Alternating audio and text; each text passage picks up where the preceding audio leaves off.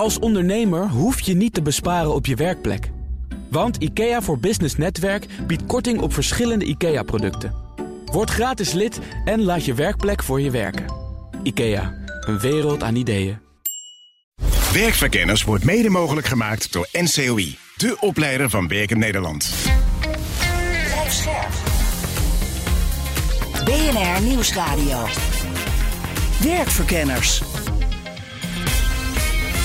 Rens de Jong. In deze BNR Werkverkenners het gapende gat tussen onze technische vaardigheden en wat de arbeidsmarkt nodig heeft, dat blijft onverminderd groot. Hoe gaan we dat gat nu wel dichten? Verder een vacature aan de andere kant van de oceaan, maar dan wel aan het strand tussen de dolfijnen. Wie wil dat niet?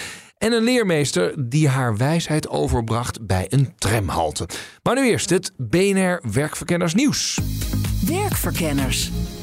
Met Nelleke van der Heijden. Dag Nelleke. Dag Rens. Eerst even beginnen met verzuim, want vorige week hadden we het ook al erover. Het hoogste cijfer sinds het ooit wordt bijgehouden. Ja, en dat ging over 2022 en waren we aan het doorpraten. We werden steeds pessimistisch van nou, het Ja. in 2023 nog wel weer erger worden. Maar er is goed nieuws, want in alle bedrijfstakken waren de verzuimcijfers het eerste kwartaal gedaald. Oh, in alle bedrijfstakken.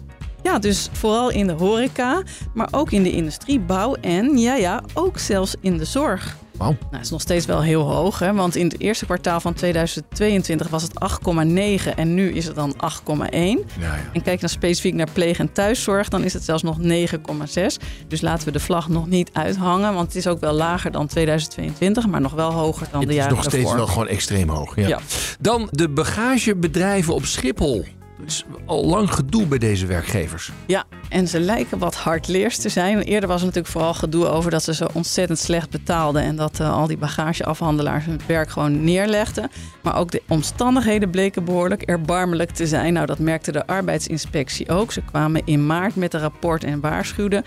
Deze mensen tillen allemaal veel te zwaar. Ze hebben geen hulpmiddelen tot hun beschikking. Dat moet anders. Ze tillen gewoon minimaal twee keer te veel van wat, eh, van wat gezond en veilig is. En we- zijn nu een paar maanden verder. Ja, er is dus helemaal niks gebeurd. Ze trekken zich er echt weinig van aan. Dus de arbeidsinspectie die dreigt nu met dwangsommen. Mhm. Dus ze hebben nog twee weken de tijd, deze bagageafhandelbedrijven. En als ze dan nog steeds niks doen en mensen te zwaar laten tillen, dan komen er boetes. Nou, de hoogste dwangsom, daar moet je denken aan 65.000 euro per maand. Nou, het zou kunnen dat er ook wel echt wat dwangsommen betaald moeten gaan worden. Want de bedrijven zelf zeggen van ja, ja, we moeten dan wel alles eh, automatiseren. Arbeidsinspectie zegt dat moet je de komende twee jaren volledig geregeld hebben. En die bedrijven zeggen ja, maar we hebben ook met Schiphol te maken. En dat wil pas in 2026 een nieuwe kelder gaan bouwen. En tot die tijd gaat het ons dus ook niet lukken. Hmm. Dan eh, eigen nieuws van BNR, want er staat steeds vaker MVX bij een vacature. Ja, en dat is dan om ook mensen aan te spreken die zich niet in M of V herkennen. Nou, het is vervijfvoudigd sinds 2020. Dus je kan inderdaad zeggen explosief gestegen. Het was waarschijnlijk al heel Maar klein. waar hebben we het Ja, over? precies. Ja, in 2020 3 op de 10.000 en Oh, nu zitten we dan dus op de 15. 15 op de 10.000. Ja. Dat is nog steeds niet Dat is heel nog veel. niet heel erg. Nou goed. Nee. Eh, wel goed nieuws, toch? Ja, ik denk het ook wel. Er zijn ook wel critici die zeggen: ja, je wil gewoon de beste. Hoezo moet je daar dan iets over gender erbij zeggen? En wordt het niet een beetje pinkwashing op deze manier? Maar ja, ook vanuit Transgender Netwerk Nederland eh, wordt wel aangegeven dat dit heel belangrijk is. MV is achterhaald, want je sluit er allemaal mensen, transgenders, non-binaire, gendiverse mensen mee uit. Dus waarom zou je het niet doen? Ehm, Maar je hebt natuurlijk ook heel veel, laten we zeggen, functietitels. Als timmerman of eh, secretaresse. Daar heb je ja, toch wel- daar heb je man- eigenlijk het geslacht al een beetje in. Ja, hè? En zit terwijl erin gebakken. Je wil ook timmervrouwen. Ja, zeker. En secretaris. Ja, ja, secret, eh, se- secretarissen, denk ik dat het Nee, is. maar dus de critici die zeggen nou je hoeft echt geen MVX te doen, maar zeg dan bijvoorbeeld timmerlieden of eh, office manager Oh ja. of zo. Dat kan ook. Nou ja, ik vind het toch wel een interessant thema. Zullen we er een keer een uitzending Dat lijkt me een heel goed idee. Laten we dat, laten we dat snel gaan doen. Ehm, Dan een ander onderwerp, namelijk concurrentiebedingen. Ja, daar wil de minister mee aan de slag. Vertel, wat, wat gaat de minister doen? Ja, het werkt te belemmerend voor mensen. Er is te weinig doorstroom op de arbeidsmarkt. Dus het moet, nou, laten we zeggen, het liefst helemaal afgeschaft worden. Maar er zijn situaties waar het denkbaar voor is. Dus daar moeten dan voorwaarden voor komen. Verder weet ik er het fijne niet van. Dus misschien moeten we daar iemand bellen die dat wel weet. Laten we eens even gaan bellen. Met wie? arbeidsrechtadvocaat Olaf van der Kind. Olaf, ben je daar? Ja, Rens, ik ben er. Vrij standaard toch dat er een concurrentiebeding is? Ja, dat kan je wel zeggen. Ja, dat is uh, standaardpraktijk om concurrentiebedingen in arbeidsovereenkomsten op te nemen.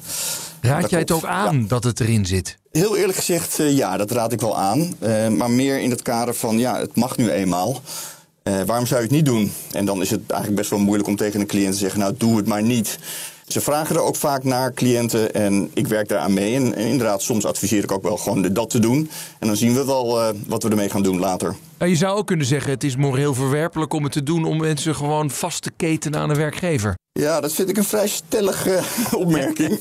Punt is dat de, de wet staat het nu eenmaal toe op dit moment. Dat is natuurlijk ook het voornemen van Van Gennep om dat juist eh, eh, niet toe te staan. Maar de wet staat het op dit moment toe. En dan is er geen goed argument om te zeggen je moet het niet doen. Wat vind jij van de plannen van de minister om er in principe van af te raken? Ja, eh, één één nuance. De minister zegt niet we moeten van die concurrentiebedingen af. Eh, De minister zegt we moeten eh, de mogelijkheden voor werkgevers om concurrentiebedingen in het contract op te nemen beperken. En eh, dat vind ik eh, zonder meer een goed voornemen. Ja.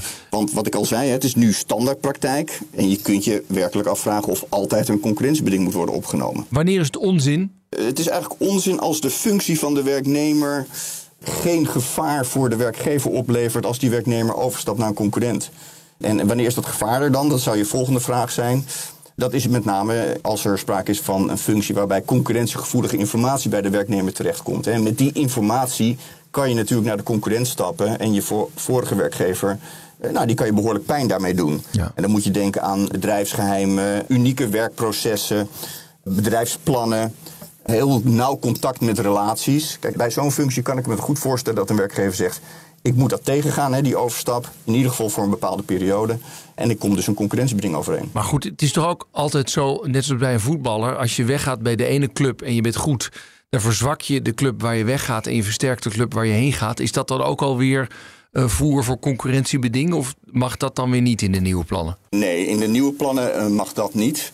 Kijk, waar het op neerkomt is dat die nieuwe plannen zeggen... je moet een gerechtvaardigd belang hebben bij het overeenkomen van een concurrentiebeding. En dat proberen ze te beperken door te zeggen... dat is alleen maar in functies waarbij je hele specifieke informatie hebt. En die voetballer, ja, die kan iets. Hè, die kan met links trappen of die kan met rechts trappen. Of allebei? Maar is dat nou echt een uniek werkproces van de werkgever waar die, weer, eh, waar die voetbalt? Nee, dat denk ik niet. Ja, ja, ja. En er moet ook een bedrag betaald worden, toch? Nou, dat is het plan, hè, voor de goede orde. Ja. Dat klopt. Als eh, de werkgever die dan een concurrentiebeding overeen is gekomen, hè, wat dan voldoet aan de vereisten voor een concurrentiebeding, die moet dan, als hij dat ook wil inroepen, ook echt hè, aan het einde van het dienstverband, dan zal die een, een, bepaald bedrag moeten betalen aan de werknemer. En wat dat bedrag is, dat weet ik niet. Er staat in de brief van, eh, van Gennep dat dat eh, een percentage is van zijn laatst verdiende salaris. Nou, welk percentage, dat weten we niet. Maar ik kan me wel voorstellen dat het een substantieel eh, bedrag zou moeten zijn. Wil het een beetje afschrikwekkende werking hebben. Want dat is het idee er natuurlijk achter. U, werkgever, hebt keurig gehandeld conform de wet... door een bepaald concurrentiebeding over op te nemen... door daar een goede motivering bij te geven. Maar blijft staan, heb je bij einde van de dienstverband... nou wel echt een belang bij een beroep op dat concurrentiebeding. En ja, die afweging die wordt wat moeilijker voor een werkgever... op het moment dat hij moet betalen als hij het concurrentiebeding wil handhaven. En je kunt het dus niet meer gebruiken eh, om bij krapte te voorkomen dat iemand naar de concurrent gaat. Nee, dat eh, heeft de Hoge Raad vorig jaar ook met zoveel woorden uitgesproken. Een concurrentiebeding is niet bedoeld om werknemers te binden. Een concurrentiebeding is bedoeld om te voorkomen dat werknemers met specifieke bedrijfsinformatie overstappen naar de concurrent. En als jij dus door het vertrek van een werknemer eh, problemen krijgt voor wat betreft personeelsbestand en bezetting, ja, dan is dat maar zo. Helder, ik ben benieuwd. Ja, ik denk dat het kans van slagen heeft. Ik vind het een goed, eh, een goed voornemen, eerlijk gezegd. Olaf, dankjewel. Ja, oké. Rens de Jong. En dan de themavraag van deze uitzending. Over het gat tussen onze technische vaardigheden en wat de arbeidsmarkt nodig heeft. Vorig jaar was dat al dramatisch groot. Hoe is dat nu? Ja, dat wordt eigenlijk alleen maar groter. Groter, helaas. Oh ja? Ja, kleiner. Oh, dat is grappig. Ja, dus ik zeg kleiner, dat zijn niet de feiten. Hmm, dus feitelijk groter. Om dat gat echt te dichten moet je breed denken. Eén mogelijkheid is om via zij-instroom mensen technisch vaardiger te maken. Maar dat gebeurt nu nog veel te weinig. Wat we daarin zien is dat wel gewoon heel veel werkgevers echt nog niet klaar zijn om mensen met net een iets andere achtergrond, wat gewoon moet, daar ook open voor staan. Het begint eigenlijk al bij de vacatureteksten. Je zult als werkgever niet de hele tijd in je vacatures moeten zetten: ik wil HBO, ik wil 10 jaar ervaring. En kunstmatige intelligentie gaat ook het verschil maken. Maar vraag ik me wel af, kan iedereen dan wel mee? Want daar kan toch ook niet iedereen zomaar mee werken? Rens, hebben die mensen wel allemaal een telefoon, een mobiele telefoon? Ja, dat hebben ze al. Spelen ze spelletjes erop? Ja, ja, ja. Ja. Werkverkenners. Hoe staat het nou eigenlijk met onze technische vaardigheden?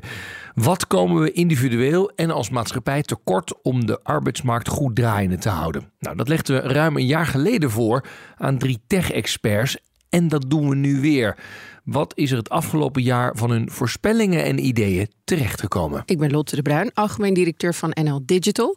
En NL Digital, even in het kort, is de branchevereniging die de digitale sector vertegenwoordigt. Ja, en, en de digitale sector is dan Ja, dat is een heel eh, breed begrip. Hè? Dus als ik het even in lagen omschrijf, dan is dat de infrastructuur, hardware, software, dienstverleners, platforms, groot, klein, nationaal, internationaal. Is het gat groter of kleiner geworden? En kun je dat iets wat specificeren? Nou ja, kijk, de vraag naar digitale beroepen neemt alleen maar toe. Heel veel sectoren, de overheid, de logistieke sector, de zorg. Iedereen heeft in de gaten dat digitalisering of dat digitale middelen iets zijn om je doel te bereiken. Dus daar wordt heel erg op ingezet. Dus die vraag neemt toe. En aan de andere kant eh, komen er niet meer mensen bij, niet vanuit het onderwijs. En eh, om- en bijscholing is, ja, het, het blijft een druppel op de gloeiende plaat. Ja. Is er dan te weinig gewerkt aan aanwas of groeit de vraag groter dan we aan kunnen? Ik denk dat het een beetje van beide is. Het ministerie van Economische Zaken heeft berekend dat we in 2030 een miljoen mensen nodig hebben, zeg maar, qua ICT-beroepen. Op dit moment, de laatste meting, hebben we zo'n 600.000 ICT-beroepen die er zijn. Alleen zijn er ook weer 110.000 tekorten, dus, dus vacatures die openstaan. En er komen zo'n kleine 25.000 mensen die vanuit school instromen. De vorige keer dat wij elkaar spraken was dat zo'n 20.000, herinner ik me. Ja. Dat is een jaar geleden. Alleen was toen ook het aantal vacatures was lager, was zo'n 500.000. Dus je ziet dat eigenlijk alles toeneemt. Dus ook de vraag. En dan is die instroom is volstrekt onvoldoende. Dat is echt een druppeltje. Een het- druppeltje. ja, Ja, ja. mini. Eh, Jij, jij pleitte destijds voor het opnemen van tech en IT in het curriculum van het basisonderwijs. Ja. Zie je daar nou ontwikkelingen? Ja, maar hele slechte. Oh, Echt hele slechte. Dat is wel actueel. Er zijn er twee moties ingediend door een combinatie van de SP en CDA. En D66. En dat overviel mij een beetje. Dat vond ik niet passen bij de partij. Namelijk, de ene was om digitale geletterdheid überhaupt uit de basisvaardigheden te halen. Dat was de motie van SP en CDA. En van D66 was het om hem eigenlijk weg te halen qua financiering uit eh, de basisvaardigheden. en wat is met die moties gebeurd? Nou, de laatste is gelukkig verworpen, zeggen ze dan. Hè? Ja. Daar is eh, tegen gestemd. En de andere is aangehouden. Dat lees ik als staat in de koelkast. En hopelijk zien we hem nooit meer terug. Maar daar zijn we wel echt van geschrokken. Dat er in de politiek dan. En aan de andere kant. Er zijn heel veel partijen die er tegen hebben gestemd. Dus je zou ook kunnen zeggen: het is positief. Want iedereen ziet dat het hard nodig is. En er waren er een paar die het even niet helemaal goed hadden. Of niet scherp hadden. Maar ik schrik er wel van dat dit überhaupt op tafel komt. Maar misschien moet je dan ook wel eh, het een beetje rebranden. En Ja. niet alleen, want volgens mij zit er ook wel heel erg in het hoofd dat je ze allemaal wil opleiden tot IT'ers. Ja. Terwijl volgens mij wat je eigenlijk zegt is van iedereen die op de arbeidsmarkt komt, moet gewoon meer snappen van het werken met Ja. data, computers, weet ik veel wat. Ja, klopt. Je hebt de ICT-vaardigheden en de ICT-beroepen. Ja. Die beroepen, dat zijn echt de specialisten. Hebben we ook keihard nodig. Hè? Dat begrijp me niet verkeerd. Maar de ICT-vaardigheden is inderdaad die laag die iedereen heeft. Net zo goed als eh, qua taal en rekenen, ook digitaal. Dat je gewoon een laagje hebt dat je weet... Ook als het gaat om veiligheid, niet op linkjes klikken, phishing. Wat is nepnieuws? Hoe analyseer ik informatie goed? Dat soort zaken. Je wil A, dat iedere burger dat, dat kan. Ik denk dat dat goed is. En in de beroepen wil je dat een arts data kan analyseren om zijn diagnose beter te stellen. Ja. Dit is de politiek. Wat zie jij in het onderwijs gebeuren? Zie je dat daar ook wel bijvoorbeeld meer plek wordt gegeven voor dit? Ja, nou ja, we zien dat, dat 40% van de scholen in hun vrije ruimte ervoor kiezen om digitale vaardigheden mee te nemen. Dat is waanzinnig, maar dat is aan de andere kant ook heel droevig. Want dat betekent dat 60% dat niet doet. En je krijgt dan ook ongelijkheid. Want de ene groep komt zeg maar, wel in een leerlijn terecht... waarbij ze die vaardigheden eh, zich eigen maken... en komen dan in een werkveld terecht waar ze voorrang krijgen... omdat ze bepaalde vaardigheden hebben die heel erg gevraagd worden. Ja. En de andere kant niet. Dus je krijgt een kloof die je bijna niet meer kunt, eh, kunt inhalen. Omdat sommige scholen het dus vrijwillig wel doen en andere scholen Ja. vrijwillig niet doen. Enthousiaste ouders, docenten die wel denken: ik vind het leuk om hiermee te experimenteren. Niemand zit stil. Alleen hè, terug naar die cijfers waar we mee begonnen. We hebben nu tienduizenden mensen die de overstap maken. Maar we hebben er honderdduizenden nodig. En hoe zit het als we niet zozeer kijken naar ICT, maar naar technische vakmensen? Ik ben Josje Damsma, eigenaar van Crossover, een sociale onderneming met als doel om te zorgen dat er voldoende technische vakmensen zijn met slimme handen om Nederland leefbaar te houden. Ja, eh, andere gasten in deze uitzending focussen wat meer op eh, digitale technische vaardigheden. Jij bent meer van de, oneerbiedig gezegd, eh, poten in de klei technici, toch? En wij noemen het echt technische vakmensen, Ja. juist om die waardering ook te uiten. Maar het gaat inderdaad om de mensen die zowel met hun hoofd als hun handen werken. Dat zijn eh, in totaal in Nederland zijn dat ongeveer 700.000 mensen. En daar hebben we er eigenlijk alleen maar meer van nodig, Mhm. Ja, van deze dat- mensen. En dat heeft te maken met een aantal dingen. Aan de ene kant de vergrijzing. Je ziet de gemiddelde leeftijd van een vakmens is ongeveer 48. Dat betekent dat er langzamerhand meer mensen met pensioen gaan dan erbij komen. Tweede probleem meteen, de instroom, die blijft heel erg achter. Eh, dus we zien dat er te weinig MBO-studenten techniek zijn. En dat zien we ook de komende tijd ook niet enorm oplopen. Iets, maar niet voldoende. Nee. Vorige keer spraken we elkaar ook. Toen werden we, jongens, we gaan er wat aan doen. Maar Ja. dat is op dit moment dus niet aan het lukken, begrijp ik. Nee, en dat vind ik echt heel erg jammer. Want als je ziet in het afgelopen jaar, zie je dat er wel heel veel plannen zijn gelanceerd. Ja. Eh, zo is er natuurlijk het grote aanvalsplan techniek. Ja. Eh, techniek en bouw, waarin eh, vijf werkgeversverenigingen gezegd hebben samen met vijf ministeries van we gaan met elkaar een miljard, 100 miljoen per jaar investeren in de techniek. Nou. Zorg dat er 60.000 mensen in de techniek bijkomen. Dus dat Wat wil je Heel- nog meer? Ja, heel eerlijk moet ik zeggen dat ik in het najaar daarom ook heel optimistisch gestemd was. Toen dit gelanceerd werd, dacht ik: yes, we gaan iets doen en we gaan ook iets samen doen. En zo optimistisch ben ik inmiddels niet meer, omdat het gewoon heel langzaam gaat. Dus ook al is dit plan gelanceerd, zie je er, er gewoon nog helemaal niets van. Dus er wordt nog steeds heel veel vergaderd. Er zijn heel veel taskforces, overlegtafels. Heel veel pilots worden erop gezet, hele kleine initiatieven. Maar we zijn nog lang niet bij dat grote megalomaan van we gaan met elkaar echt dit tekort nu structureel aanpakken. Ja. Dat zien we gewoon nog niet. Want en, en je zei 60.000 mensen erbij of 60.000 mensen per jaar? per erbij? jaar, ja, per En, jaar. en ja. we zijn nu een jaar verder. Ja, nee, dat is gewoon nog helemaal niet gebeurd. En het erg is ook nog, vind ik, dat we ook nog ineens weten op hoeveel we nu staan. Dus we weten helemaal niet waar die teller nu precies staat. Dus we weten, dat zie je eigenlijk in elke regio, in elke provincie, zijn ze hiermee bezig. Maar ze weten niet hoeveel extra technici ze nou met elkaar hebben opgeleid. Hoeveel bijvoorbeeld projecten voor zijinstroom, meer instroom, hoeveel dat nou oplevert. Mhm. Wat ze wel weten, er is bijvoorbeeld een onderzoek geweest in de provincie Zuid-Holland, hoeveel initiatieven er op instroom in de techniek zijn. Nou, Dat waren er meer dan 230. oké. En toen zijn ze gestopt met tellen, omdat er zoveel waren. Maar dan zelfs bij die initiatieven weten ze dus niet, wat levert het nou op? Nou, en dat... Ga, da- daarmee ga je natuurlijk het probleem niet oplossen. Als je allemaal hele kleine initiatieven doet, Ja. nergens van weet wat het oplevert. Dan Nou, kun je niet ergens heen werken. Aan de andere kant kun je ook een beetje laat duizend bloemen bloeien. En dan eerst eens even wat succeservaringen opdoen. En dan zeggen ook, laten we het iets wat gaan structureren. Precies, maar als je wel dat tweede, die tweede stap ook zet. Ik denk ook dat die eerste stap moet je inderdaad doen. Je moet dingen proberen, je moet dingen bottom-up doen. En je ziet heel veel mooie initiatieven. Zo heb je in de provincie Gelderland heb je het transitiehuis... waar honderden zijnstromers naar de bouw en de techniek worden geleid. Dus je ziet dat er de goede dingen gebeuren.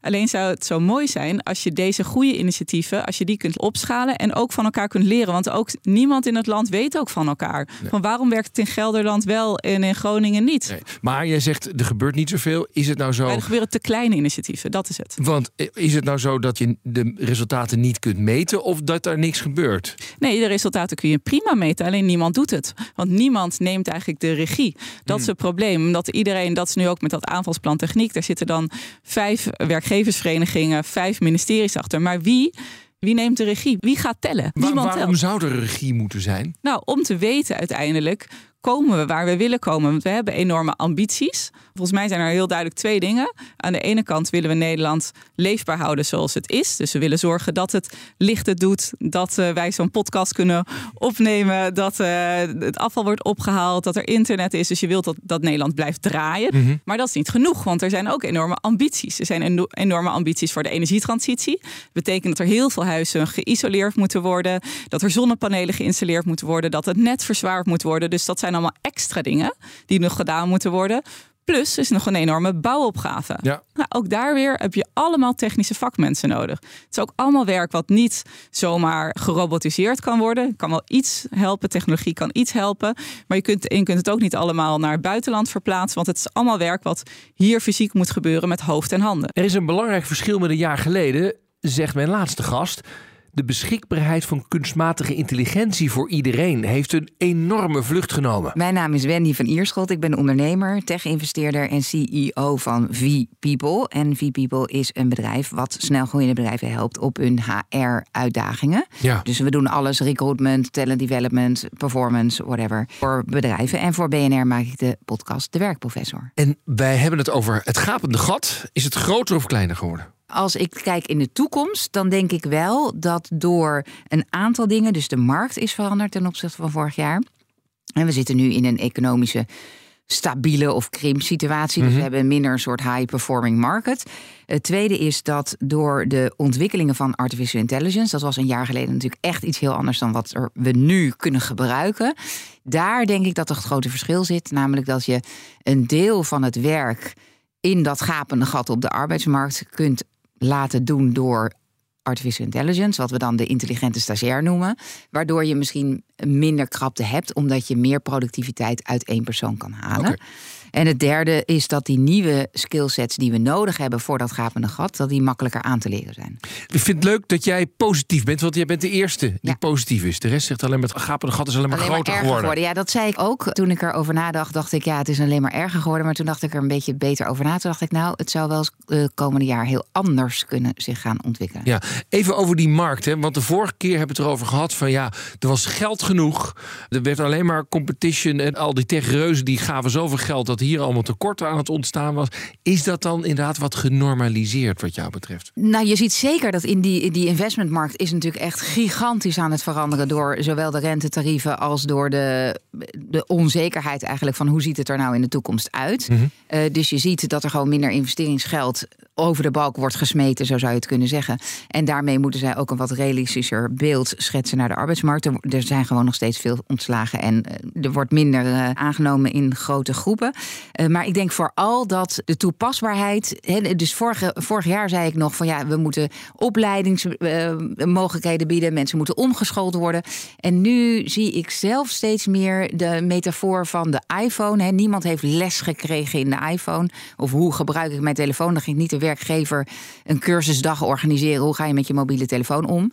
En uh, dat hadden we wel nodig als we computerprogramma's wilden laten draaien van hoe maak ik analyses op deze dataset. Ja. En nu kun je dat eigenlijk gewoon in gewone taal, tussen aanhalingstekens door die large language models, in gewone taal vragen aan de computer die het dan voor jou kan doen. En als die dan niet meteen doet wat je wil, kun je je opdracht aanpassen. En dat is natuurlijk een hele andere manier van communiceren, waardoor je misschien niet meer zoals je met Excel een cursus Excel moest doen. Uh, maar nu kun je gewoon aan de computer vragen: hey, ik wil dit in mijn Excel-spreadsheet hebben, kan jij het even voor me bouwen? Ja. En dat is een heel erg groot verschil. Ja, want jij zegt echt juist omdat je dus gewoon in normale mensentaal met een computer kunt praten. Precies. Maakt het een heel groot verschil. Dat maakt een enorm verschil om het ook te gaan gebruiken. En voor dat gebruik, hè, dus als ik, ik heb een slidepakketje gemaakt, dat was in het Nederlands, want ik had het voor de eerste keer in het Nederlands gedaan.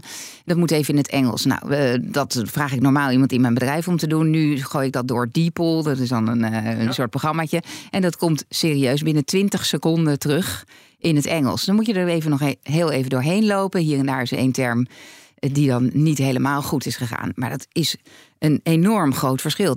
Nou is de vraag natuurlijk dat we denken: hé, hey, maar een hele grote groep mensen gaat dit niet gebruiken. Want ze moeten dat allemaal nog leren. En daar ben ik dus heel optimistisch over. Dat mensen dat veel sneller gaan gebruiken. Je ziet het, al die studenten die weten binnen één seconde hoe ze moeten zorgen dat hun essays worden geschreven door, uh, door dat soort eh, modellen, door ChatGPT.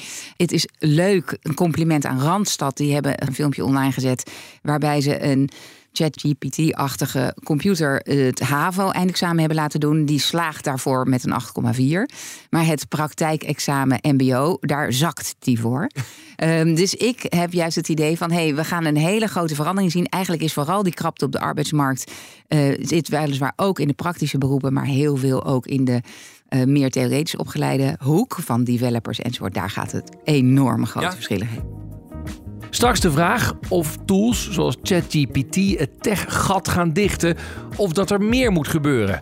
En wat dan? Maar nu eerst werk met uitzicht op het strand, waarvoor je wel bereid moet zijn om aan de andere kant van de oceaan te gaan wonen. Rens de Jong. Iedere week speuren we het web af op zoek naar bijzondere vacatures. En deze keer viel ons oog op de functie van content creator voor het radiostation Dolfijn FM. Nou is een baan als content creator misschien niet zo heel uniek, maar de plek van deze functie wel. Dolfijn FM zit, dat weten de kenners wel, op Curaçao. Nou, zie jij het al helemaal voor je, werken op het strand? ik wel eigenlijk. We gaan eens even bellen met uh, Michiel Zwartepoorten en hij is de ochtend-dj bij Dolfijn FM. We hem bellen. Nee, Michiel. Goedemorgen. Ja, goedemorgen. Goedemiddag voor jullie. Ja, Curaçao. Daar moeten we het eens even over hebben. Ja, dat ja. klopt. Is dat prettig werken op Curaçao? Nou ja, ik zeg altijd dat wij de, het, mooiste uitzicht hebben van alle kantoren op het eiland. Want wij zitten met onze studio van de FM zitten echt recht op het strand. Dus dat kan eigenlijk niet beter. Dat kan eigenlijk niet beter. En eh, bij de eisen staat dat je op Curaçao moet wonen. Ik kan me zo voorstellen, als je bereid bent om je spullen te pakken en naar jullie toe te gaan, dan kan je toch ook wel content creator worden, of niet? Als je snel je koffers uh, in kunt pakken en heel erg blij wordt van uh, blije mensen die langslopen in uh, zwemkleding en zo een duik doen in het water. en daar maak jij content van. Nou, dan ben je van harte welkom, ja, natuurlijk. Maar je hebt ze snel nodig, begrijp ik. Zeker, ja, ja. dat wel. Ja. Hey, en even voor mij, boel, jullie hebben geen Dolfijn FM huizen, neem ik aan, op Thailand. Nee, maar wel genoeg kennis om je daar een beetje snel in te helpen. Ja, ja, oké. Hey, en content creator, wat is dat eigenlijk? Tenminste, wat, wat ga je doen? Met Dolfijn FM? Alles wat online en met video te maken heeft. Dus leuke samenwerkingen met bedrijven. Uh, alles wat rondom uh, de radio uh, te maken heeft. daar maak je leuke content van voor online. maar ook als er een nieuwe schildpad wordt geboren oh, en er, er eitjes uit zijn gekomen. Ja. Ga je daar een leuk filmpje van maken, uiteraard. ik ben benieuwd, hoe ben jij dan in, in, op Curaçao terechtgekomen, zeg maar? Oh jeetje, nou in twee zinnen. Ik heb door wat swipen mijn vriendin hier uh, leren kennen, die hier lokaal is geboren en getogen. Ja. Uh, dus een stukje liefde voor mijn huidige vriendin en de liefde voor de radio, die uh, mooi samenkwam. Wat geweldig zeg. Hey, en um, ehm, 20 uur per week, maar wel vijf dagen in de week aanwezig zijn. Ja hoor, dus je kunt lekker s ochtends vroeg beginnen en dan uh, rond een uurtje of twaalf, één dan zeg je jongens bedankt, ik uh, loop het strand op. En het betaalt voldoende dat je wel een beetje een, uh, een, een, een, goed leven kunt hebben op Curaçao, begrijp ik. Er zit een cocktailpercentage zit daarin verwerkt, dus dat komt helemaal goed. goed, moet ik nog een beetje skills hebben of kan ik gewoon meteen al het vliegtuig instappen? Nou, het leukste is wel als je een beetje affiniteit hebt met een aantal uh, editprogramma's en een beetje, een beetje de weg online kent. Dat zou het mooiste zijn. Goed zo. Nou, ik, ik, ik kan me niet voorstellen dat er uh, geen reacties op komen, want uh, dit, dit klinkt als een soort ideale baan. Ik hoop dat ze het allemaal gaan vinden, Dolfijn FM. Uiteraard, de reacties zo snel mogelijk welkom. Stuur gewoon een mailtje en dan, dan komt het allemaal goed. Oké, okay, hartstikke goed, dankjewel. Bedankt hè. Hoi. Werkverkenners. Ja, als je op tijd begint, dan kun je iedere dag rond lunchtijd een duik in de zee nemen. Nou, een beetje technisch moet je wel zijn. En dan zijn we weer terug bij de themavraag: het technische gat. Het is het afgelopen jaar alleen maar groter geworden. Dus hoe gaan we nu wel effectief aan onze techvaardigheden werken? Josje Damsma, die met haar onderneming Crossover wil zorgen voor voldoende technische vakmensen, zei eerder al dat er wel veel initiatieven zijn, maar dat de regie ontbreekt en het overzicht. Wat ik voorstel is heel duidelijk dat je in Nederland één duidelijke een dashboard hebt, een teller met van waar staan we nu. Ja. En dat dan, want dit, de arbeidsmarkt van die vakmensen is heel erg regionaal. Nou, hebben we dat ook allemaal ingeregeld? Er zitten overal in heel Nederland heb je allemaal hele mooie publiek-private samenwerkingen, zoals dat heet. Er zitten MBO-scholen samen met uh, met bedrijven, met MKB'ers, proberen ze dit probleem op te lossen. Dus arbeidsmarkt, bedrijfsleven, hoe doen we dat beter? Mm -hmm. Nou, geef die allemaal, dus al die in die regio's. Nou, stel je voor, je hebt twaalf regio's, geef je allemaal een teller. Die moeten allemaal, nou zo moeilijk is die rekensom ook niet, allemaal 5000 mensen. Dan ben je met elkaar ben je bij die 60.000. Ja. En dan, dan kijk je van, oké, okay, wat werkt, wat werkt niet. Staan we er al? Zitten we al goed op de rit? Nou, welke initiatieven gaan lekker? Ja. En hoe kan je zorgen dat dat ook bij die andere plekken terechtkomt? Dus ik denk dat is het systeem wat je nodig hebt. En daarachter ligt natuurlijk een punt, wat jij in het begin natuurlijk ook zei, is van ja, jij hebt het een beetje over een andere groep, hè, oneerbiedig genoemd. Nou, dat oneerbiedig, dat moeten we natuurlijk weghalen. Ja. Want uh, er moet ook veel meer waardering komen voor de mensen die echt dat, die praktisch gescholden. We zien het al een beetje dat er meer, we, we denken minder in hoog en laag. De ministers van Onderwijs zitten hier ook al veel duidelijker op. MBO'ers worden ook meer, ook als studenten gezien. Dus er is al iets van een kentering. Mhm. Maar dat moeten we natuurlijk veel meer doen. Dat het ook niet is van hoe, ja, kansrijk adviseren bijvoorbeeld in het onderwijs. Het gaat erom hoe hoger, hoe theoretischer. Maar hoe zonde is dat? Want het is juist natuurlijk uh, dat, dat praktisch geschoolde wat ook heel mooi is. Laat zei bijvoorbeeld iemand tegen mij van ja, eigenlijk heb je niet alleen een intelligentiecoëfficiënt, maar ook een handigheidscoëfficiënt. En dat vond ik eigenlijk een hele mooie, want dat gaat er dus niet om. Want dat ik heel vaak van monteurs hoor. Ik spreek veel monteurs. En die zeggen dan ja, ik kon niet zo goed leren. Dus ik Ja. ging iets met mijn handen doen. En ik zou eigenlijk willen dat je het ook meer omdraait. Eh, want het is juist, ik kan iets goed met mijn handen. Ja. En dat is heel fijn en dat is heel prettig. En daarbij draag ik ook echt iets bij aan de samenleving. Ik kan daardoor werk doen wat nuttig is. Eh, ik kan dat in mijn werk doen. Wat ik van ook heel veel monteurs hoor. Die kunnen dan ook lekker thuis ook nog een hele eigen huis verbouwen. Dat is natuurlijk heel erg mooi. Dan ben je heel zelfredzaam. Ja. Ja, of dat je zegt, eh, ja, ik eh, kon niks met mijn handen, dus ik ben maar iets theoretisch gaan. Exact. Ja, ja. Wel misschien voor ons. ja, precies. Oké, korte groeten. Jij zegt wat er moet gebeuren is één, we moeten starten met meten en kijken Ja. wat er succesvol is. Ja. En twee, we moeten praktisch geschoolde beroepen beter waarderen dan dat we nu doen. Precies, ja. En dat, dus dat zijn twee dingen die moeten gebeuren. Een derde punt is wel ook dat hier ook echt de werkgevers zijn natuurlijk nu bij BNR, daar luisteren Ja. natuurlijk ook veel werkgevers, dat, eh, dat die ook echt moeten veranderen. Want dat zien we wel. Wij, we hebben ook speciaal een eh, werkgeverscan ontwikkeld, waarin we kijken van hoe sta je als bedrijf met werven binnen ontwikkelen. Hoe ver kun je bijvoorbeeld al zijnstromers aannemen. We moeten met elkaar anders kijken. En dus als werkgever moet je daar ook ja, open voor staan. Van hoe ga ik men, andere mensen aannemen. De werkvloer moet diverser. Ook een 3% van de technische vakmensen is vrouw. Nou, ook daar is nog een wereld eh, aan te winnen. En dat, en dat begint bij de werkgever. Want de werkgevers zijn de mensen natuurlijk, die nemen de mensen aan. Ja. Dus die werkgevers moeten ook meegenomen worden. Ook als je vanuit de overheid honderden miljoenen tegenaan gooit. Denk ik, ja, begin bij die werkgever. Want die werkgever neemt de, de vrouwen, de mensen met de afstand tot de arbeidsmarkt, alle mensen, alle technici aan. En moet zorgen ook natuurlijk dat ze, dat is natuurlijk ook een heel punt, blijven werken. Want we zien natuurlijk ook dat het uitstroom in de techniek veel te groot is. Dus je kunt natuurlijk wel lekker de voordeur wijd openzetten. Maar als de achterdeur het ook ja, is, dan hebben we dan, niets- eh, dan heb je daar natuurlijk ook niks Ja. aan. Even, ik hoor jou dus zeggen over di- dit aanvalsplan. Dat geld is er. Eh, je zegt, maak het meetbaar. Deel het op in die provincies. Zorg ervoor dat er een dashboard komt. Ja. En, en dan moet daar dan ook een soort eh, techniek tsaar of tsarin voorkomen... die dat dan ook een beetje zo Nou ja. eh, op, op Ja, ik denk dat dat, en dat, kan, dat kunnen er natuurlijk ook meerdere zijn in die verschillende regio's die dan allemaal daarin afgerekend worden. Ja. Dus dat kan ook. Dus dat je er bijvoorbeeld 12 hebt. Oh Eh, ja, dus dat dat- elke dat- provincie één. Nee, dat zou ook kunnen.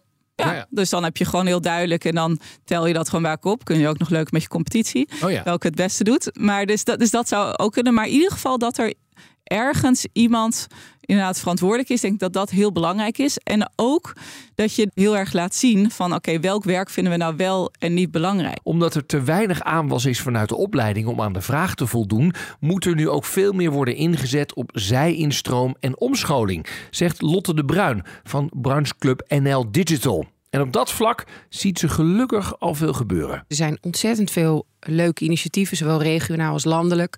Make IT Work, Codam, Techunista, noem maar op. Die zich echt richten op mensen die zeggen... nou, ik ben nu historicus, lijkt mij wel leuk om in vier maanden tijd me om te laten scholen tot. Hè. En wij kijken naar wat er regionaal werkt en kijken of we dat kunnen opschalen naar landelijk. Mhm. Dus dat is wat er gebeurt. En daarnaast moet je ook kijken naar soort, ja, ik noem dat onontdekt talent, arbeidspotentieel. Ik weet niet hoe je het juiste woord, eh, wat het juiste woord ervoor is. Maar we hebben helemaal niet de luxe positie om mensen buiten te sluiten. Dus je moet kijken naar hoe je vrouwen eh, meer naar de IT haalt. Maar ook mensen met een visuele beperking zijn programma's voor. Dat heet eh, VIP IT. Hè, 71% van de mensen die een visuele beperking heeft, komen niet aan een baan omdat werkgevers denken: oh, dat, dat is ingewikkeld, dat is moeilijk. Dus daar zitten we in een programma. Maar ook eh, eh, IT-VT, mensen die in een autistisch spectrum zitten. Neurodiversiteit. We kunnen helemaal niemand buitensluiten. En je zult als werkgever, want dat is het laatste, is ook wel een cultuuromslag nodig. Hè? Mhm. Je zult als werkgever moeten omdenken en zeggen: Nou, dit is de competentie die ik zoek. Ja. En dat kan prima iemand zijn die een MBO-opleiding heeft gedaan, fantastisch zelfs, of helemaal niet. Of iemand met een visuele beperking, of wat ook. Je moet je, je, zichtveld, ja, dat moet je gaan verbreden, anders ga je het nooit redden. En dat vraagt ook iets van de klanten van de werkgevers eigenlijk. Want de overheid of eh, wie dan ook als opdrachtgever moet ook niet in hun eisenpakket zetten. Wij eisen iemand die 15 jaar ervaring heeft met programmeren of wat dan ook. Want dan maak je het eigenlijk onmogelijk. Even een zijsprongetje. Sinds vorig jaar dat we elkaar spraken, is er wel in de technologiewereld één ding echt veranderd. En dat is dat de, de opkomst van artificial intelligence en dit Ja. verhaal eh, ChatGPT, waarop we opeens met elkaar zien: holy shit, dit is wel krachtig. Hard. Ja. Nou, en vooral eh, op programmeren.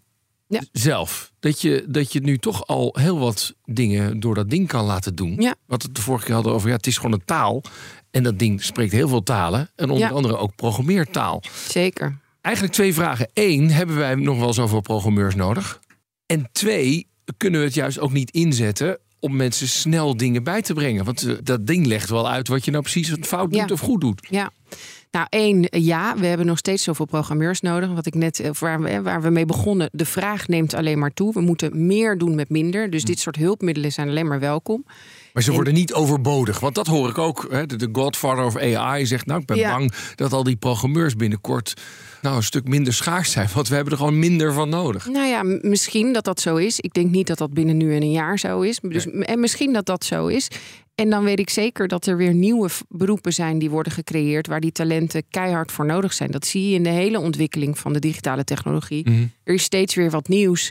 En dan hebben we weer heel erg veel cybersecurity specialisten nodig. Dan is er weer heel veel DevOps nodig. Dus dat ontwikkelt. En ik denk dus ook dat je een soort flexibiliteit moet hebben. En daarom zijn die competenties zo belangrijk zodat je kunt switchen. Je kunt jezelf weer bijscholen naar een ander, naar een ander vak. Dus ik maak me daar niet zo heel erg veel zorgen over. En twee, je vraag twee. De mens, vooralsnog, laat ik het zo zeggen, blijft de mens altijd nodig om die input. Want zo'n zo'n tool als ChatGPT, die doet precies wat je hem vraagt. Hoe Ja. specifieker je je vraag stelt, hè, hoe specifieker die de opdracht uitvoert. Dus als jij een slechte vraag stelt, krijg je ook slechte output. En dat is eh, zeker een vak of iets wat je echt goed moet begrijpen. Hè, ik hoorde eh, iets over een drone die, eh, die zijn eigen opdrachtgever ging uitschakelen. Dat is allemaal fictief. Ja, ik zag het, Ehm, ja. Het Amerikaanse leger was hiermee aan het Ja. experimenteren. Ja. Ja, maar waar lag dat aan? Eigenlijk de verkeerde prompt, dus Ja. de verkeerde input. En dat moet je zeker niet aan AI overlaten, want dan word je dus uitgeschakeld. Hè? Want die doet gewoon wat je hem als opdracht geeft. Dus ik denk dat die combinatie van mens en AI is heel waardevol en die moet je zeker niet zomaar loslaten. Het digitale aanvalsplan. Ja. Hoe gaat het daar eigenlijk mee? Nou, strijdende. Maar de, de, de strijd aan het winnen of aan het verliezen? Nou, het is wel een uitdagende strijd, als ik heel eerlijk ben. Ik noemde dat getal al van een miljoen mensen in 2030. Het gat wordt groter. Het gat wordt Dus groter. de strijd ben je aan het verliezen. Neemt, de vraag neemt toe. Aan de andere kant hè, zijn er toepassingen, innovaties die de arbeidsproductiviteit verhogen. Zoals AI. Dus in dat opzicht hoop je dat je een beetje je been bij kunt trekken. Mhm. Ik ben meestal een heel optimistisch mens. En dan denk ik, we gaan ervoor, we gaan het halen. Ja. Ik, hier heb ik een hard hoofd eh, Ja. in. Wat je wel ziet, ik zie dat alle topsectoren in het afgelopen jaar, en misschien zijn ze er al wel veel langer mee bezig, maar ik zie het pas in het afgelopen jaar, is dat zij echt die omschakeling hebben gezegd van oké, we moeten naast zoeken naar talent, want dan zitten we allemaal in een veel te krappe vijver te vissen. Naast het zoeken naar talent moeten we ook inzetten op innovaties die die arbeidsproductiviteit verhogen. De energiesector, de bouw, de zorg. Dus hoe zorg je er nou voor dat een verpleegkundige via gewoon een, een speech-to-text appje Ja. haar dossier of zijn dossier kan invullen.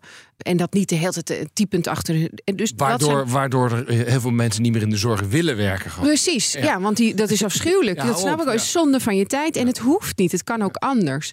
Dan zijn er vraagstukken over... Goh, mag je data delen? Hoe zit dat met veiligheid? Het zijn allemaal randvoorwaarden die we heel goed met elkaar moeten, eh, moeten onderzoeken... en daar afspraken over maken.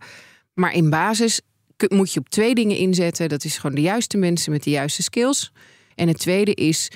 Kijk naar die innovaties die jou gaan helpen om meer te doen met minder. En die beweging zie ik wel degelijk. Wat is de nummer één actie die moet gebeuren wat jou betreft? Lange termijn, morgen digitale geletterdheid vanaf primair onderwijs. Ja? Waarom is dat de nummer één? Omdat je wil dat het bij kinderen eh, al meteen tussen de oren zit. En dan zeggen mensen, ja, mijn kind kan heel goed met een iPad Ja. omgaan. Dat is niet hetzelfde als digitaal geletterd zijn. Digitaal geletterd zijn is weten wanneer iets nepnieuws is.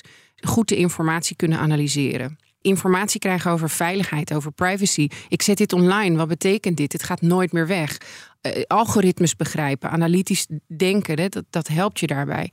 En dan we- wek je de interesse. Dan denk ik ook, ja, het is gewoon van kleins af aan geleerd. Dat je snapt dat als je dus de zorg ingaat, dat je daar ook een digitale component bij hebt. Dus die vaardigheden neem je gewoon altijd mee. Ondernemer en tech-investeerder Wendy van Ierschot verwacht dat de vraag naar technische mensen minder wordt door de snelle ontwikkeling van technologie. Nou is het natuurlijk een groot verschil. Heb ik het over zonnepanelen leggen op het dak? Ja. Want dat kan een robot voorlopig nog niet zo goedkoop en goed als een mens. Dus ik denk dat de praktisch opgeleiden de winnaars worden. Wat ik ook geweldig zou vinden, want het zou een hele verandering zijn, ook in onze maatschappij, hoe we er tegenaan kijken. Ik vind dat zij veel meer waardering eh, verdienen voor het werk en ook steeds, steeds meer status. Eh, dus daar zit wel een verschil in. En daar hebben we ook een gat op de arbeidsmarkt. Hè? Want in die duurzame transitie hebben we weinig mensen die dat kunnen doen. Daarom pleit ik nog even in dit programma voor wel het sluiten van eh, fabrieken die heel erg vervuilend zijn. En, eh, en eh, dat we dan niet gaan zeggen, ja, maar dat kost zoveel banen. Want die mensen kunnen we heel goed op andere plekken weer gebruiken. Dus daar, daar kunnen we misschien gebruik van maken op die manier. Even één ding, hè. Ehm, eh, kijk, we, we nemen nu voetstoots aan dat iedereen dit makkelijk kan gaan gebruiken, Ja. deze nieuwe technologie. Dat is natuurlijk ook niet zo. Wij we zitten ook in een bubbel van mensen die leuk, leuk dingen aan het uitproberen zijn, en daar de tijd voor hebben en et cetera. Ik ken ook zat mensen die, die, die het nog helemaal niet hebben uitgeprobeerd. Nee, maar dit is zo aantrekkelijk. Ook omdat het je inzichten geeft in dingen waarvan je denkt: hé, hey, dat kon ik niet. Of, of mensen hebben zichzelf. Ik denk dat daar het grootste probleem in zit. Hè? In die fixed mindset. Ik kan dit toch niet. Ik ben hier niet slim genoeg voor. Eh, dit is niet aan mij besteed. En mijn hoop, maar ook aanname. Het zou leuk zijn om daar over een jaar weer over te praten. Is dat dat. Dat we daar veel positiever over zullen zijn dan we denken. Want die mensen gebruiken allemaal wel Google Maps om ergens te komen. En dit wordt zoiets gemakkelijks, waardoor je dat makkelijker gaat gebruiken. Het is wel zo dat we allemaal gaan verwachten dat je dat dus zelf doet. Dus Ja. dat niet iemand anders tegen jou gaat zeggen: Kom eens hier zitten naast me, schat. Ik ga het jou eens even uitleggen. Nee, zoals er geen iPhone-cursus is gekomen, komt er ook niet een AI. Cursus. Nee? Nee. Dat is, lijkt me een gemiste kans. Ja en nee. Ik denk dus dat je dat niet nodig hebt om de tool te gebruiken. Ja. Maar het is wel zo dat je om bijvoorbeeld mooie analyses van ChatGPT te krijgen, moet je data invoeren soms. Of dan zeg je: hey, ik heb hier een, een hele eh, een mooie analyse van dit rapport. Wat zijn de belangrijkste items daaruit die ik zou moeten presenteren hieraan? Daar zitten wel privacy issues aan. Want Hele van, grote privacy issues. Precies, en van wie is die data eigenlijk? Dus wat ik nu klop, als ik nu zeg in, in ChatGPT van ik heb deze gegevens, kan je daar iets mee doen? Of wat zou voor jouw gevoel de causaliteiten kunnen zijn? Van wie is die data? Ja, nou niet meer van jou. Als je, Precies. Dus, dus En- ik, ik hoor allerlei mensen, alsjeblieft, gewoon niet je bedrijfsgegevens in dit systeem, want het is weg. Precies, terwijl het wel heel aantrekkelijk is Ja. om het te doen. Ja. Want als ik een jong iemand ben in een bedrijf en ik denk ik wil eigenlijk wel mijn basis even wegblazen met mijn eh, intelligente ideeën, Ja. doordat ik zo'n computer mee laat denken over wat is nou eigenlijk de analyse die hier uit kan maken, dan is het best wel aantrekkelijk om dat te doen. Kortom, het lijkt me best handig om wel iets van een cursus te geven. Nou ja, daar dus wel in. Dus in het anonimiseren bijvoorbeeld van die data of in het überhaupt begrijpen wat, wat gaat er gebeuren, wat, waar, waar zitten de privacy, dat wel, maar niet zozeer in hoe gebruik ik die tool. Nou, ben ik ook niet met je eens. Ik denk, weet je, wat, want uh, je moet maar, uh, er zijn heel veel mensen die hun iPhone ook nog steeds heel rukkig gebruiken. Als ik Ja. kijk naar mijn, mijn kinderen en ik, en dan zit ik echt te klooien. Weet je, dan, waar- waar- waarom ga jij ik- doet nog met zit- één vinger. En dan zit, Ja. zit mijn kinderen zo pap, dat doe je toch. En dan, oh, oké. Ik had het eigenlijk best wel wel willen weten. En dat is natuurlijk met ChatGPT ook. Dat je Ja, dus je zou kunnen zeggen, hé, in wat voor opdrachten geef je het? Hoe, hoe ga je dat doen? Maar de ontwikkelingen gaan zo snel dat de vorm van we doen dat in een cursus niet zo goed werkt. Nee, nee, oké. Ik zou me wel kunnen voorstellen dat we ook dat weer veel meer online gaan aanbieden. En meer per individu. Van hè, de computer, ik denk, de computer gaat op een gegeven moment tegen jou zeggen: Hé hey joh, Rens, ik zie jou dat op deze manier doen. Dat is niet zo efficiënt. Je kunt het beter op deze manier doen. Dus eigenlijk zeg je, als ik jou goed samenvat, voor de praktische beroepen, daar kunnen wij, nou, daar, daar moeten we nog heel hard aan gaan trekken. Voor de, laten we zeggen, meer theoretische IT-achtige banen is nog steeds wel een groot gat, maar we verwachten wel heel wat van artificial intelligence. Absoluut. En daarnaast is het zo dat er natuurlijk een heleboel banen ook weer op de tocht staan. Ja. Dus als jij nu schrijver bent van blogs, of je bent vertaler, of je bent reclamecampagnemaker. eh, er zijn een heleboel eh, korte filmpjes maken die allemaal geautomatiseerd en veel gemakkelijker kunnen worden gedaan. Webinars produceren. Eh, ja, hele, dus er zijn ook een heleboel plekken waar het werk gaat veranderen. En die mensen zouden misschien door kunnen stromen naar andere banen waar we wel nog tekort aan hebben. En om dat te leren kun je weer meer gebruik maken van dit soort generative AI-tools om het je te leren. Nou, conclusie over dat gapende tech-gat. We waren ruim een jaar geleden niet alarmerend genoeg, want het gat is alleen maar groter geworden. Hoe zorgen we dat we over weer een jaar een optimistische uitzending kunnen maken? Hoe gaan we eigenlijk dat gat dichten? Nou, we mogen wel wat van AI verwachten. Dat maakt het werk makkelijker en ook voor digibeten wordt het bruikbaar en het zal een gedeelte van het werk overnemen. Van de opleidingen komt zeker wel technisch talent, maar zeker ook niet genoeg. En werkgevers moeten veel breder kijken. Vrouwen, maar ook potentieel zien in zij-instromers, mensen met een visuele beperking, mensen in het autistische spectrum. En we moeten ook niet alleen maar focussen op technische beroepen en daar mensen voor zoeken. Het gaat ook om technische vaardigheden. En daar zou iedereen over moeten beschikken. En daarom moeten we dan ook vol inzetten op digitale geletterdheid vanaf het primaire onderwijs. Worden we allemaal een beetje technisch vaardiger, dan kunnen we allemaal innovaties bedenken en slimme tools gebruiken die de corvée-taken overnemen, het werk verlichten en uiteindelijk de druk van de krapte sectoren afhalen. De leermeester. Laatste onderdeel van deze uitzending, en dat weet je inmiddels denk ik al wel. Het is de leermeester. Wie zorgde bij jou voor een kantelpunt in je carrière? Wie zorgde dat je een, een andere afslag koos? Iets geleerd hebt wat de rest van je carrière bij je blijft? Deze week bellen we met de leermeester van Jasper Lukezen. En hij is de hoofddirecteur van Economenblad ESB. Dag Jasper. Ja, hoi, goedemiddag. Wie is jouw leermeester? Laura van Geest. Laura van Geest is nu de bestuursvoorzitter van de AFM.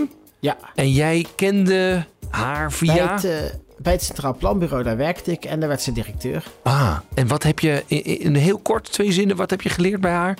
En mensen kunnen prima omgaan eh, met teleurstellingen, maar niet met verrassingen. Mensen kunnen omgaan met teleurstellingen, maar niet met verrassingen. Oeh, dat is een hele spannende. Ehm, Ja. Laten we eens even gaan kijken. Ik ga er even bellen. Ik heb het 06-nummer van Laura Vergeest. Komt die. Met Lau van Geest. Dag mevrouw Vergeest met Rens de Jong van BNR Nieuwsradio. Goedemiddag. Ik heb iemand en die zegt... Laura Vergeest is mijn leermeester. Nou, spannend. Ja. Eh, nou, zeg het maar. Ja, hoi Laura, dit is Jasper Lucchese hier. Je hebt nooit een belangrijke les geleerd. Ah, doet wel. De- de- wat even, jullie kennen elkaar nog wel, begrijp ik, of niet, Laura? Ja, ja, ja, Ja. Jasper, eh, de tegenwoordig hoofddirecteur bij eh, ESB. Maar Ja. ken ik inderdaad nog eh, uit vroeger tijden van het CPB. Ja, ja. En even, Jasper, het is een verhaal van een bushalte, begrijp ik. Ja, of het tramhalte eigenlijk. Ik kwam Laura tegen bij de tramhalte. Ze was net eh, directeur bij het eh, CPB geworden. En ze had door de hele bureaucratie heen mij gevraagd om een overzichtje te maken van het effect van, eh, ja, van bezuinigen en stimuleren voor de economie. En zij moest er wat van vinden als directeur. Dus had ze me gevraagd om dat te doen. En ik had het overzicht gemaakt, maar ze had het nog niet gekregen, want ik wilde het nog een keer lezen. Dus ik kwa- kwam er daar tegen. Ze zei: heb je het overzicht? Ik zeg, ja. En toen zei ze, en heb je het ook met de ministeries besproken? Ik, hè, wat? Met de ministeries besproken? Ik heb een literatuuroverzicht gemaakt. Wat moet ik dan weer bespreken met ministeries? Dus nou, toen keek Laura een beetje puzzeld, eh, volgens mij. En toen, eh, en toen was het, eh, ja, toen kwam later landde het kwartje een beetje. Want zoals Laura dat dan wel eens zegt, mensen kunnen wel omgaan met teleurstellingen, maar niet met verrassingen. Dus bespreek nou even wat je hebt gevonden. Dan is het allemaal later veel makkelijker als ik moet uitleggen dat we toch niet zo hard moeten bezuinigen of juist wel. Ah, en jij zat gewoon als een boekenworm een, een, een literatuuroverzichtje te maken, Jasper. Ja, dat was de opdracht. Ja. nou, mevrouw Van Geest, kunt u zich dat, eh, dit, dat tramritje nog herinneren of niet? Nou, op die manier niet precies, maar ik kan me wel het onderzoek herinneren. Want dat was inderdaad, eh, er was natuurlijk echt debat over... is het nou erg of juist niet erg eh, als je bezuinigt in tijden van economische neergang? En hoe groot zijn die effecten nou? En da- da- daar was echt debat over, dus dat was één. En ik, ja, ik ben wel iemand, ik zeg dat nog dagelijks tegen mensen. Mensen kunnen wel tegen slecht nieuws, maar ze kunnen niet tegen verrassingen. Zelfs niet als dat leuke verrassingen zijn, want ja, dan zijn ze van apropos. Dus als je wil zorgen dat dingen eh, goed landen, ja, dan moet je dat eh, vaak eerst zeggen: ik ga hier naar kijken. Better be prepared. En ja, op een gegeven moment zeg je: Nou, ik heb er naar gekeken. Ja, je- wordt er vast niet blij van. En op een gegeven moment zeg je: Nou ja, je wordt er niet blij van, want het is namelijk dit. En dan zijn mensen al helemaal ja, gewend aan de gedachte ja, dat dit hen gaat overkomen. En dan kunnen mensen daar toch veel makkelijker op ja, accepteren, op reageren dan wanneer ze dat in één keer zo eh, in hun gezicht eh, zien slaan. En uiteindelijk wil je natuurlijk, denk ik, eh, nou, als CPB, maar vroeger als, natuurlijk als beleidsadviseur, wil je natuurlijk dat, ja, dat mensen uiteindelijk gaan eh, accepteren wat je vertelt. En daar dan ook hopelijk de goede beleidsreactie op eh, vertonen. Dus ja, het is allemaal een manier om van gelijk krijgen, hè, van gelijk hebben naar gelijk krijgen te komen. Ja, e- even Jasper. En dit, dit, de- deze mantra, mensen kunnen omgaan met teleurstellingen, maar, maar niet met verrassingen, dat, dat gebruik jij nog dagelijks, begrijp ik, of niet? Eh, Ja, ja in- in mijn werk eh, sturen mensen of economen vaak artikelen op. eh, joh, dit is interessant om te publiceren. En eh, ja, dat we het dan niet accepteren, eh, of soms wel accepteren, is niet echt een verrassing. Maar ja, we- als je toch een andere boodschap brengt als dat mensen verwacht zijn, dan, dan moet je dat wel eh, moet je daarover nadenken. Moet je er een beetje zijn. Nou, mevrouw Van Geest, Ja. leuk om leermeester te zijn. Ja, zeker. En zeker ook leuk eh, om Jasper weer even te spreken. Want we komen elkaar wel eens tegen, maar ook weer niet eh, dagelijks. Goed, nou, mooi dat we hier even een vervolg aan konden geven. Dank jullie wel voor je tijd. Ja, graag gedaan. Hoi. Hoi. Dit was Werkverkenners voor deze week. Volgende week dan krijg je weer een verse op dinsdag om 3 uur.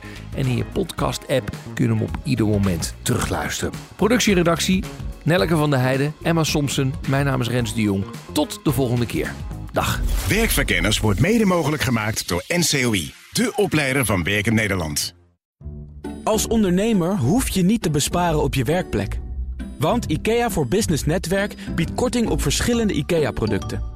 Word gratis lid en laat je werkplek voor je werken. IKEA, een wereld aan ideeën.